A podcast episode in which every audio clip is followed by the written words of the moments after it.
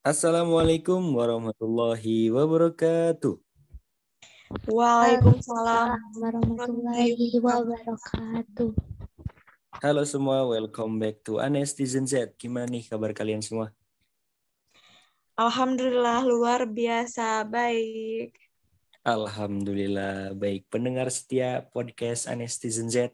Insya Allah pada kesempatan kali ini di tema podcast kali ini kita akan membahas film Ratatouille. Nah sebelumnya ada pepatah tak kenal maka tak sayang. Perkenalkan saya Fauzan dari Indramayu. Di sini saya tidak sendiri. Saya ditemani oleh teman saya. Hai Sampurasun. Rampes. Perkenalkan nih, saya Siti Nur Ayasari, asal dari Sukabumi, Jampang Kulon, Surade. Nah, kalian juga bisa panggil Aliza atau Liza ya. Oh iya, di sini ada teman saya juga loh yang dari Kepulauan Riau. Say hello dong, Peb. Hai guys. Hai. Kenalnya nama aku Febia dari asli Kepulauan Riau, bertepatan di Tanjung Pinang. Oh iya, aku mau tanya nih mengenai makanan khas dari sana. Itu apa sih?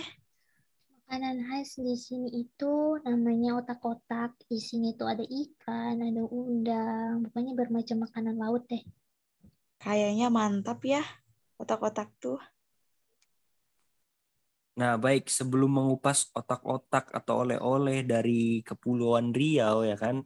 Nah, kita kupas dulu nih sebelumnya tentang tema kita kali ini yaitu film Ratatouille. Nah, film Ratatouille ini merupakan film animasi Disney Pixar yang dirilis pada tahun 2007. Bener nggak sih teman-teman? Bener, banget tuh. Nah, kalian udah pada nonton belum? Tentunya udah dong. Aku juga udah. Nah, kalau udah pada nonton, pasti kalian tahu dong siapa sih tokoh-tokohnya pasti tahu lah di dalam film tersebut ada Alfredo, kemudian juga ada Ego. Terus juga ada Skinner, Claude Plateau. Wow, pasti seru juga ya filmnya. Gimana nih pendapat kalian mengenai film ini? Kalau menurut aku ya, eh, filmnya itu sangat menarik karena bercerita tentang tikus yang bernama Remy. Nah, si Remy ini juga bermimpi menjadi koki dan dia juga mencoba mencapai tujuannya dengan membentuk pertemanan dengan tukang sampah restoran di Paris nih yang bernama Alfredo Linguini ini. Bener gak sih? Bener banget.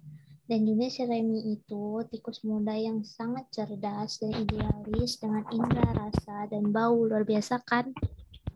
Wah, luar biasa tikus yang cerdas yang mempunyai idealis. Tetapi di sini juga ada banyak pesan moralnya dan juga cara berkomunikasi yang sangat efektif. Bener gak sih teman-teman? Bener banget, Turzan. Karena di dalam film tersebut, segala permasalahan saat diselesaikan itu seperti yang dilakukan oleh Remy dan juga Alfredo Linguini itu juga paham dan menerima pesan akan yang dimaksud oleh Remy. Di film ini juga terdapat hambatan komunikasi karena adanya perbedaan bahasa kelompok dan perbedaan status yaitu sekelompok manusia dan tikus gitu kan? Nah, benar banget tuh Zan. Kalau membahas komunikasi di film itu masuk ke jenis komunikasi verbal kan? Karena mencakup pesan verbal di dalamnya seperti fungsional, ada juga formal, ada juga fonologi, kemudian sintaksis, ada juga konseptual dan kepercayaan lainnya. Bener gak sih? Betul banget tuh. Nah iya, awal kan mulainya juga dalam film itu ada simbiosis mutualisme antara si tikus dan manusia di mana si tikus yang pintar mengolah makanan ingin memasak di dapur manusia, sedangkan Alfredo itu sebagai manusia tidak masak, tidak bisa masak seperti Remy, dan kemudian mereka saling membantu. Wah, keren banget ya. Tikusnya eh, yang keinginan besar untuk menjadi koki, yang pintar masak, tetapi beda gitu dengan manusia yang tidak bisa memasak. Jadi komunikasi antar mereka itu sebenarnya terjadi dalam satu arah.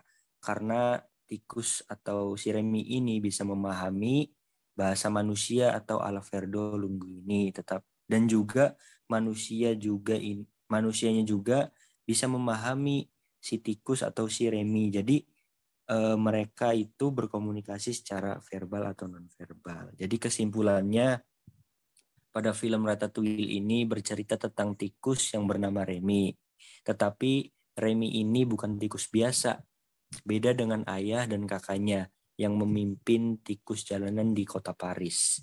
Remy juga termasuk tikus yang cerdik yang mempunyai ketertarikan besar dengan makanan ya kan mempunyai selera kuliner yang tinggi dan sangat pandai mengelola bahan makanan betul nggak? Bener banget tuh Zan.